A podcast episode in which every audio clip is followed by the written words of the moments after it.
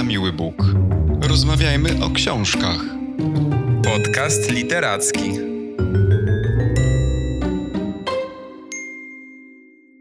Cześć wszystkim, witamy w kolejnym odcinku na miły Bóg. Dziś przychodzimy do Was, żeby opowiedzieć o kolejnej książce, którą chcemy Wam polecić, a w zasadzie będzie polecał ją Maciej, bo jest to książka, którą e, właśnie Maciek przeczytał. Mm, Barbara Sadurska i książka Mapa. Być może o niej już słyszeliście, bo zdobyła nagrodę literacką imienia Witolda Gombrowicza i jest to zbiór opowiadań, przynajmniej tak pisze o nich wydawca. Opowiadania, które łączy jeden wspólny motyw. Witaj Maćku. Rzeczywiście są to opowiadania, bo opinie są różne. Cześć, e, witam wszystkich. No właśnie, z jednej strony się mówi, że są to opowiadania, że jest to siedem opowiadań. Moim zdaniem jest to zdecydowanie powieść. Ja wiem, że autorka pisała tę książkę z taką myślą, że są to opowiadania, ale równie dobrze mogą być to rozdziały jednej powieści. I właściwie każde z tych opowiadań można przeczytać osobno, ale ja zaryzykowałbym taką tezę, że po przeczytaniu pojedynczego opowiadania po pierwsze, traci się bardzo dużo, bo traci się taką szeroką perspektywę, jaką nakreśla cała ta książka jako powieść, a po drugie, wydaje mi się, że wielu czytelników i czytelniczek po prostu niewiele wyciągnie z pojedynczego opowiadania, ponieważ one są niezwykle trudne i skomplikowane w swojej konstrukcji. Mam na myśli to, że e, można tych opowiadań po prostu nie zrozumieć, czytając je osobno. Konstrukcja tej książki jest niezwykle wymagająca, tam jest bardzo wysoki próg wejścia, jak ja to mówię. To znaczy, trzeba przeczytać naprawdę wiele stron, aby załapać o co chodzi. E, I w moim przypadku zdarzyło się to przy drugim albo trzecim opowiadaniu. I dlatego wysuwam taki wniosek, właśnie, że mm, no, osoby, które sięgną wyłącznie po jedno opowiadanie, mogą nie do końca zrozumieć to, co autorka chciała przekazać.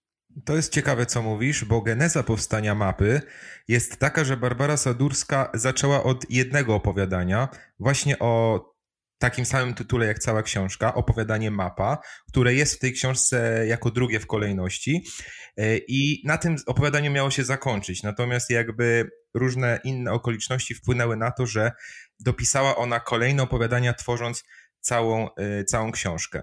Ale tak jak powiedziałem na początku, to jest książka, która jest połączona jednym wspólnym motywem, właśnie tą tytułową mapą. Co to za mapa? Co na niej jest i w jaki sposób łączy te wszystkie historie? Zanim jeszcze przejdę do mapy, chciałbym powiedzieć, że jest tych motywów znacznie, znacznie więcej niż jeden. Dlatego właśnie jest to, dla mnie jest to powieść. Dlatego, że jeszcze muszę trochę o tej konstrukcji powiedzieć, bo ona jest zadziwiająca, fascynująca. Ja nigdy nie widziałem tak, tak napisanej książki. Jestem pod ogromnym w ogóle wrażeniem e, tej powieści. Ona chodziła za mną cały ubiegły rok. E, ona została wydana chyba pod koniec 2019 roku, ale ciągle gdzieś się pojawiała, wyskakiwała w krytykach literackich tych osób, które śledzę gdzieś tam w internecie i potem właśnie zdobyła nagrodę Gombrowicza.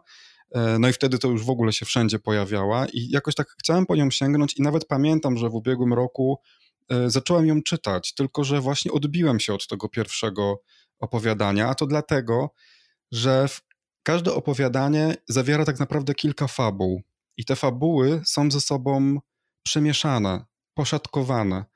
E, nie ma żadnych znaków tak naprawdę takich graficznych, choćby edytorskich pomiędzy tymi fabułami, które mogłyby nam wskazać, że oto właśnie czytamy już inną historię. Bardzo często czytając te opowiadania, sami nagle orientujemy się, że jesteśmy już w zupełnie innym miejscu, w zupełnie innym czasie też i że opowiada już ktoś zupełnie inny. Jest siedem opowiadań, a jest dwunastu narratorów. E, czasami jest tak, że w jednym opowiadaniu właśnie jest dwóch, trzech narratorów, i do tego te opowiadania rozgrywają się w bardzo różnej czasoprzestrzeni. Także możemy być, e, nie wiem, w Polsce powiedzmy tam w latach 80., potem się przenosimy do XVII wieku, potem w kolejnym opowiadaniu jesteśmy w XVII wieku, potem w XV, e, potem widzimy jakieś przebitki z początku XX wieku w Europie i tak dalej, i tak dalej.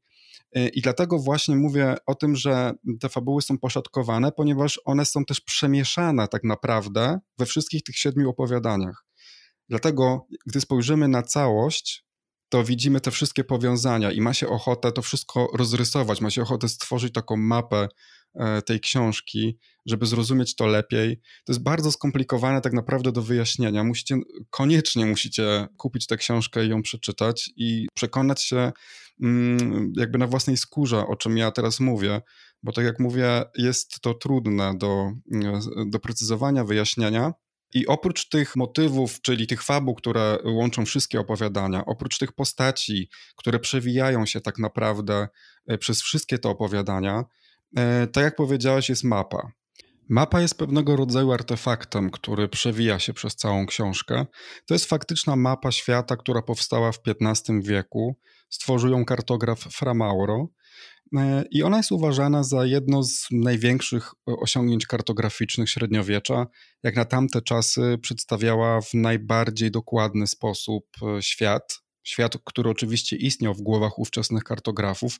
To było takie najdokładniejsze odwzorowanie, oczywiście zupełnie błędne, zupełnie wyglądające inaczej niż współczesny świat można sobie tą mapę obejrzeć e, w internecie, czy też na żywo w jednym z włoskich muzeów, już nie pamiętam nazwy, i widać, że to jest mapa odwrócona. Północ jest na południu, e, te kontynenty, które znajdują się na południu, z kolei są e, pokazane na tej mapie odwzorowane na północy.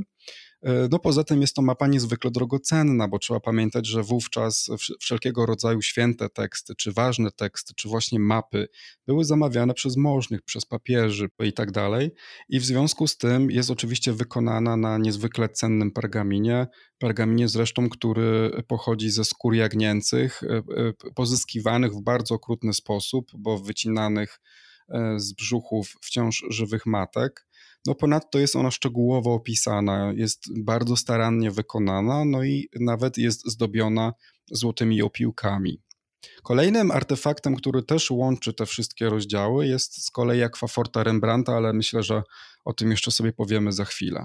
Zastanawia mnie właśnie, jak ten motyw mapy, jak ta konkretna mapa miałaby przystawać do takich realiów jak Polska lat 80. Rozumiem, że to, to jest w jakimś symbolicznym wydaniu pokazane, tak? Tak jak najbardziej, bo oczywiście nie chodzi tyle w tej mapie o to, że ta mapa fizycznie istnieje, tylko chodzi o to, co autorka chce powiedzieć e, za pomocą tej mapy. Ta mapa jest właściwie takim właśnie magicznym przedmiotem, moglibyśmy powiedzieć, czymś w rodzaju pierścienia u, u Tolkiena na przykład. Czymś, czego każdy pragnie, czego każdy pożąda. Jest to, jest to taka mapa, o którą ludzie się zabijają i walczą. Jest to też taki przeklęty trochę przedmiot, bo każdy, kto do tej mapy zajrzy, widzi okrutną przyszłość i wszystkie okrucieństwa, jakie na świecie się jeszcze wydarzą. Oczywiście to wszystko się jakby jest metaforyczne, bo bohaterowie na przykład spoglądają w mapę i doświadczają jakiejś wizji. I w ten sposób też na przykład te fabuły się przenikają. Jak mówiłem wcześniej o konstrukcji tych opowiadań, rozdziałów, to często te fabuły z innej czasoprzestrzeni pojawiają się albo w formie na przykład snu, albo w formie takiej przebitki wrzuconej pomiędzy akapity. Czasami właśnie są to wizje, jak ktoś się pochyla nad mapą albo dotyka jej, albo jest w jej pobliżu, ma coś w rodzaju déjà vu. Tak jakby przeżywał w swojej głowie historię jakiegoś innego bohatera z innej epoki, na przykład. Kilka razy widziałem takie określenie w odniesieniu tej książki, że ona jest swego rodzaju palimpsestem. I faktycznie tak jest, bo czasami osoby, które, nie wiem, są w pobliżu mapy, doświadczają tego, co zdarzyło się kilkaset lat na przykład w tym samym miejscu. To jest tak, jakbyśmy, wiesz, przetarli stronę tej książki, a pod spodem znaleźli zupełnie jakiś nowy tekst. I to tak właśnie wybija spod spodu. Jest piękna metafora literacka właśnie w tej książce, a mianowicie, znaczy to jest moja interpretacja, bo mapa jest właściwie graficznym odwzorowaniem świata. Na mapie widzimy dokładnie taki świat, jaki znamy w momencie powstawania danej mapy. Ale właśnie, i tu objawia się ten koncept literacki, którym e, moim zdaniem Sadurska e, wykorzystała. Czy możemy powiedzieć, że patrząc na daną mapę, faktycznie znamy ten świat? Nie? Właściwie, jeżeli patrzysz na mapę, to widzisz tylko zarysy kontynentów, miasta, państwa, rzeki, w zależności e, jakiego rodzaju jest to mapa. Ale czy faktycznie możesz powiedzieć, jaki to jest świat? I teraz metaforycznie można to przedstawić właśnie w taki sposób, że patrząc na mapę, powinniśmy też widzieć całe okrucieństwo tego świata. bo właśnie taki świat y, jest u Sadurskiej. Znaczy to jest świat skazany właściwie na zagładę i to jest świat pełen okrucieństwa. I druga taka idea, która się pojawia w tej książce, to właśnie to, że mm, na przestrzeni tych wszystkich wieków, bo ta książka rozgrywa się na przestrzeni właściwie 600 lat, e, na przestrzeni tych e, kilku wieków wszystko się zmienia, bohaterowie się zmieniają, miejsca się zmieniają, okoliczności, cywilizacja idzie do przodu, a okrucieństwo jak jest, tak było. Mógłbyś, Maćku, rozwinąć trochę ten temat, dlaczego spoglądając na mapę i widząc kontury państw, kontynentów, mielibyśmy zakładać, że jest to okrutny świat, a nie na przykład wspaniały? Dlatego, że taki świat jest u Sadurskiej, tak powiedziałem. E, autorka widzi świat, postrzega świat jako miejsce skazane na zagładę. To znaczy, nie, nie wiem czy autorka, jej bohaterowie. Ta mapa zresztą dla wielu tak naprawdę nie jest mapą świata, tylko jest mapą, y, która wskazuje drogę do piekła. I tak widzą bohaterowie tej książki świat, w którym żyją, a to dlatego, że w tej książce mamy pokazany handel niewolnikami, Holokaust, y, bardziej współcześnie Srebrenicę, różnego rodzaju epidemie, tortury świętej inkwizycji, tortury esbeckie, okrucieństwa wobec zwierząt, okrucieństwa wobec kobiet. I tak naprawdę te wszystkie okrutne rzeczy, których dopuszczają się ludzie, były zarówno w XV wieku, w XVII, w XX i tak dalej, i tak dalej. Właściwie w każdym stuleciu tak naprawdę można znaleźć okrucieństwo, ale to jest takie okrucieństwo haniebnego kalibru, takiego jak na przykład obozy zagłady, prawda? Trudno jest tak naprawdę powiedzieć, naprawdę szczerze, że żyjemy we wspaniałym świecie, jeżeli w, e, zaledwie w ubiegłym wieku wydarzyła się um, Srebrenica i Holokaust. Znaczy, ja nie miałbym takiej odwagi, żeby powiedzieć, że żyję w cudownym, wspaniałym świecie, bo ten świat, zgadzam się z bohaterami Sadurskiej, nie jest tak naprawdę cudowny, jest bardzo okrutny tak naprawdę. No, sprowadzenie świata tylko do cudowności byłoby przekłamaniem, ale wspomniałeś o kobietach i jak w którejś z recenzji przeczytałem, że o ile wszyscy męscy bohaterowie książki Mapa są wymienieni z imienia i nazwiska, to w przypadku kobiet pomija się ich jakby imię i nazwisko. Skąd ten zabieg i czy to ma jakby pokazywać tę sytuację kobiet w jeszcze gorszym cieniu? Wiesz co, ja tego nie zauważyłem w ogóle. Być może dlatego, że czytałem tę książkę też bardzo szybko i byłem tak zafascynowany tym konceptem, który przedstawia mi e, autorka i byłem tak też zajęty rozszyfrowywaniem tej całej zagadki i tych wszystkich, e, tej całej struktury tych wszystkich rozdziałów, że nie zauważyłem tego tak naprawdę, że kobiety nie mają tam imion. Mm, ale faktycznie, jak to powiedziałeś, to faktycznie nie przypominam sobie żadnego kobiecego imienia, ale to chyba jest takie też bardziej pytanie do autorki, czy to było celowe, zamierzone. Jedyne, co mi, y, oczywiście przychodzi mi do głowy w kontekście tej powieści, no to jest to jakaś może krytyka patriarchatu, dlatego że e, te wszystkie okrucieństwa jednak były dokonywane przez mężczyzn tak naprawdę. Przypomniała mi się teraz taka okrutna scena, która dotyczy świętej inkwizycji. Tam przychodzi matka e, do inkwizytorów i właściwie tak naprawdę wydaje własnego syna, bo twierdzi, że on spółkował e, z diabłem. To, co w ogóle spotyka tego chłopaka w związku z tym, z, z rąk świętego inkwizytora, sprawiło, że e, po raz pierwszy od nie wiem ilu lat musiałem odłożyć książkę, bo po prostu nie byłem w stanie tego przeczytać. To było tak okrutne. I później ten chłopak zostaje uznany za oczyszczonego, Natomiast święty inkwizytor skazuje jego matkę na stos za to, że wydała na świat czarci pomiot. E, pamiętam, że byłem zszokowany po tym, e, po tym rozdziale, po tym opowiadaniu. E, I myślę, że takich sygnałów okrucieństwa wobec kobiet na przestrzeni właśnie wielu tak naprawdę stuleci jest wiele w tej książce. Z tego, co opowiadasz, książka Sadurskiej jawi się jako pełna bardzo interesujących i też szokujących sytuacji, mimo że tak naprawdę objętościowo wcale to nie jest y, gruba książka, prawda? No właśnie, ja muszę to skomentować, bo faktycznie ta książka ma 200 stron, a ona jest niezwykle epicka. Znaczy tam jest olbrzymi rozmach po pierwsze dzieje się właśnie na przestrzeni tych 600 lat, a po drugie, tak jak właśnie powiedziałeś, jest tam wiele wątków. Widać, że autorka jest osobą niezwykle oczytaną i ma olbrzymią wiedzę. I to jest książka wybitnie erudycyjna.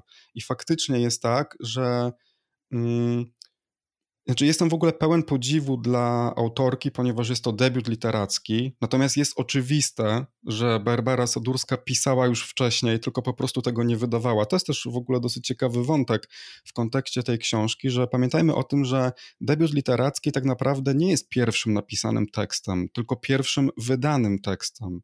E, taki tekst tego rodzaju książkę może napisać tylko i wyłącznie doświadczona autorka czy autor, naprawdę nie, nie skłamię, jeśli powiem, że to jest, to jest właściwie poziom najlepszych pisarek i pisarzy, jakich było mi danych czytać. No i do tego wszystkiego pojawia się jeszcze tam Rembrandt i Faust, tak? Właśnie, jest y, akwaforta Rembrandta, która przedstawia Fausta, ale to też jest ciekawe, ponieważ to nie jest książka historyczna. Jest tam oczywiście zaczepiona w kilku takich momentach historycznych, jest tam kilka prawdziwych postaci, kilka e, e, prawdziwych przedmiotów. Natomiast e, nie wiem, chyba z 99% tej książki tak naprawdę to jest wyobraźnia autorki i ta akwaforta Rembrandta tak naprawdę nie istnieje. Istnieje akwaforta pod tytułem Faust i tam jest faktycznie e, postać, która jest e, pochylona nad jakimś biurkiem i światło bije z witraża. Natomiast w tej książce Faust pochyla się nad, e, nad mapą właśnie Framaury z XV wieku i to z tej mapy bije na niego światło i to też jest taki artefakt, który gdzieś pojawia się właśnie, tak jak wcześniej już powiedziałem, w domach różnych bohaterów po drodze no ale fascynujące są te zainteresowania e, Barbary Sadurskiej i no, bardzo mi się też podobało to, że wplotła tam właśnie Rembrandta. Niektórzy porównują książkę Sadurskiej do y, imienia Róży Umberto Eco, natomiast ja w momencie, kiedy opowiadasz o tej książce, widzę takie elementy wspólne z książkami Olgi Tokarczuk, na przykład y, z biegunami, gdzie jakby pewne fraktale i takie wspólne elementy pojawiają się w różnych miejscach, w różnych okresach y, historii, okresach czasu i dotyczą y, różnych bohaterów. Łączą je w jakiś sposób w tej czasoprzestrzeni. Mhm. To, to, jest dobre skojarzenie? Mm, jeśli chodzi o imię Róży Umberto Eco, to to jest bardzo ciekawa sprawa, ponieważ yy, akurat tak się zdarzyło, że wiem, że autorka nie czytała tej książki, więc nie mogła jej tam włożyć. Więc to jest bardzo ciekawe. Natomiast ja uważam, że ta intertekstualność, która y, pojawia się w, w powieściach, czy w ogóle właśnie w literaturze, w dziełach literackich, ona jest bardzo indywidualna tak naprawdę. To znaczy, my posługujemy się pewnymi kodami kulturowymi i jakby rozpoznajemy je, w, nie wiem, we własny sposób indywidualny w różnych dziełach literackich. Natomiast nie jest powiedziane, że coś, co my odczytaliśmy w danej powieści, zostało tak naprawdę zaplanowane i włożone tam intencjonalnie przez y, autora czy autorkę. Ja myślę, że te skojarzenia z Umberto Eco wynikają, no, z imieniem Róży wynikają głównie z tego, że bardzo duża część książki jest osadzona jednak w średniowiecznej e, w średniowiecznych Włoszech, a dosyć trudno byłoby tak napisać e, wiarygodną książkę z, z tamtego miejsca i z tamtego czasu bez pokazania klasztorów, bo jednak to jakby był nie, nie, nierozerwalny element pejzażu wówczas. Więc oczywiście pojawiają się i klasztory, i zakonnicy, pojawia się nawet y, postać papieża gdzieś tam w tle i tak dalej. I do tego jest to wszystko zaprawione takim sosem przygodowo-sensacyjnym, z takim suspensem, więc oczywiście to nawiązanie i skojarzenie z imieniem Róży jest jak najbardziej y, prawidłowe. Natomiast, tak jak mówię, akurat w przypadku tej książki faktycznie ono nie było zamierzone i to jest potwierdzone, bo po prostu mówi o tym sama autorka. Natomiast jeśli chodzi o biegunów, mm, ja nie widzę tego y, powiązania, bo w biegunach oczywiście mam taki koncept przemieszczania się, bo inaczej, jeżeli będziemy stali w miejscu, to wydarzy się zło. Natomiast może powiem tak przewrotnie, że to mapa przemieszcza się z rąk do rąk. Jest trochę jak taki rozżarzony kawałek węgla, który jest przerzucany właśnie z rąk do rąk, bo jeżeli się zatrzyma, to dzieje się zło. Właśnie większość bohaterów, którzy mają do czynienia z mapą, wcześniej czy później spotyka ich jakieś nieszczęście, więc być może z jednej strony to jest właśnie trochę jak ten pierścień, który Frodo niósł na szyi. Z jednej strony jest to przedmiot pożądania, każdy tego pragnie, a z drugiej strony jest to olbrzymie brzemię. Jak się już to posiada, to tak samo chciałoby się tej mapy pozbyć, ją zniszczyć, e, a tak samo by się chciało ją mieć. Mnie bardzo zainteresowałeś tą książką. Powiem wam wszystkim w tajemnicy, że Maciek z ogromnym entuzjazmem jeszcze przed rozpoczęciem nagrywania odcinka o mapie mówił i mówi zresztą teraz y, kontynuując. Y, czyli co, to jest jakby strzał w dziesiątkę w tym roku twój literacki. Tak, ja sobie zdaję sprawę, że być może w, dla wielu z Was połowa tego, co mówię, nie ma sensu, bo naprawdę bardzo trudno jest tę książkę zrecenzować w jakiś taki sposób, aby też nikomu nie odbierać przyjemności z rozszyfrowywania tej układanki, bo jest to układanka. Jest to układanka i, i ona jest bardzo, bardzo skomplikowana. Przypomniało mi się teraz takie zdanie, że historia się nie powtarza, lecz się rymuje. To ponoć powiedział Twain, ale ja to zdanie tak naprawdę e, zobaczyłem po raz pierwszy w testamentach Margaret Atwood. E, I właśnie te rymy historyczne widać w mapie sadurskiej na wielu płaszczyznach, że właśnie rymują się bohaterowie, bo oni często tak naprawdę, tak naprawdę często to są te same w ogóle osoby, one mają, oni mają tylko czasami podobne imiona, czasami różne, czasami nazywają się tak samo, co wprowadza jeszcze większy zamęt e, w, w tej powieści, jeszcze trudniej jest to zrozumieć. Rymują się ich losy, bo często tak naprawdę widzimy, nie wiem, taką bardzo podobną fabułę, tylko pokazaną troszeczkę w innym czasie i z udziałem innych osób. Rymują się sceny i widzimy taką właśnie analogię bohaterów i scen. Ci współcześni przechodzą przez podobne koleje losów jak ci sprzed y, kilkuset lat. Dlatego myślę, że ta książka tak fascynuje, dlatego nie można o niej przestać myśleć, bo gwarantuję, że pierwsze przeczytanie nie będzie wystarczające do zrozumienia tego całego konceptu i, i tej całej zagadki, którą tak naprawdę tutaj przygotowała dla czytelników i czytelniczek e, autorka. I naprawdę nie można o tej książce przestać myśleć. Ja pamiętam, że napisałem ci we wtorek wieczorem, że właśnie skończyłem mapę i że zaczynam ją czytać e, na nowo. I w środę rano wziąłem książkę i, i czytałem ją od y, początku. I myślę, że przeczytam ją jeszcze trzeci raz, bo jest naprawdę fascynująca i powiem, że jak czytam ją drugi raz, to sprawiała mi jeszcze większą przyjemność niż za pierwszym razem, ponieważ naprawdę rozumiałem dużo, dużo więcej, znając już całość oczywiście. No to ja już zacieram ręce i też chcę wejść w tę układankę i poskładać te puzzle, bo to wszystko wydaje się ekscytujące i też na takim tle historycznym odbywa się, więc jest to dodatkowo ciekawa materia. Cieszę się też, że nasz podcast czasami y, przedstawia również i nam książki, o których y, być może nie wiedzieliśmy. No ja o mapie nie wiedziałem, więc y, sięgnę z Twojego polecenia po tę pozycję. Dzięki za Twoją opowieść. My się słyszymy za tydzień. Jeszcze zanim się pożegnam, to jeszcze coś muszę powiedzieć, bo nie powiedzieliśmy jeszcze, że ta książka jest z wydawnictwa Nisza. E, podobnie jak książka Igora Jarka Halny, i to są dwa debiuty. I książka Barbary Sadurskiej była nominowana do Gombrowicza w zeszłym roku i w tej samej edycji była nominowana książka, również omawiana już w tym podcaście, Natalki Suszczyńskiej Dropie. Z kolei Halno, o którym mówiliśmy niedawno, był nominowany do paszportów polityki i również w tej samej edycji, e, w której był Halne, pojawił się Bezmatek, zresztą który tę nagrodę otrzymał, Miry Marcinów. Te wszystkie cztery książki to są debiuty i wszystkie omówiliśmy je w naszym podcaście i to są książki niesamowite. Wszystkie cztery. A Sadurska to już jest naprawdę szczyt szczytów. I ja jestem pełen podziwu. To jest, napawa mnie to olbrzymią nadzieją i radością, że takie książki powstają i no już nie mogę się doczekać, co będziemy omawiali za tydzień. A ja wam jeszcze powiem, e, nawiązując do twojej wypowiedzi, że za tydzień akurat trochę zmienimy kierunek, nie będziemy mówić o książkach polskich debiutantów, i pójdziemy w zupełnie inną stronę. Będziecie zaskoczeni. Do usłyszenia. Mówię do usłyszenia i pożegnam się dzisiaj cytatem z mapy. Przeklinam, po trzykroć przeklinam.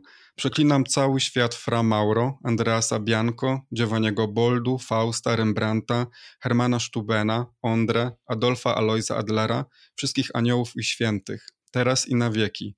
Ponownie chowam moją starą, pomarszczoną głowę w kościstych dłoniach, a ramionami, które pokrywa kardynalskie tabarro, wstrząsa suchy szloch. Na klęczkach w szpitalnej kaplicy polskiego miasta Bromberg przeklinam ten świat, bo wiem, co będę musiał zrobić, co za chwilę zrobię. Jest plan. Widziałem go. wiem.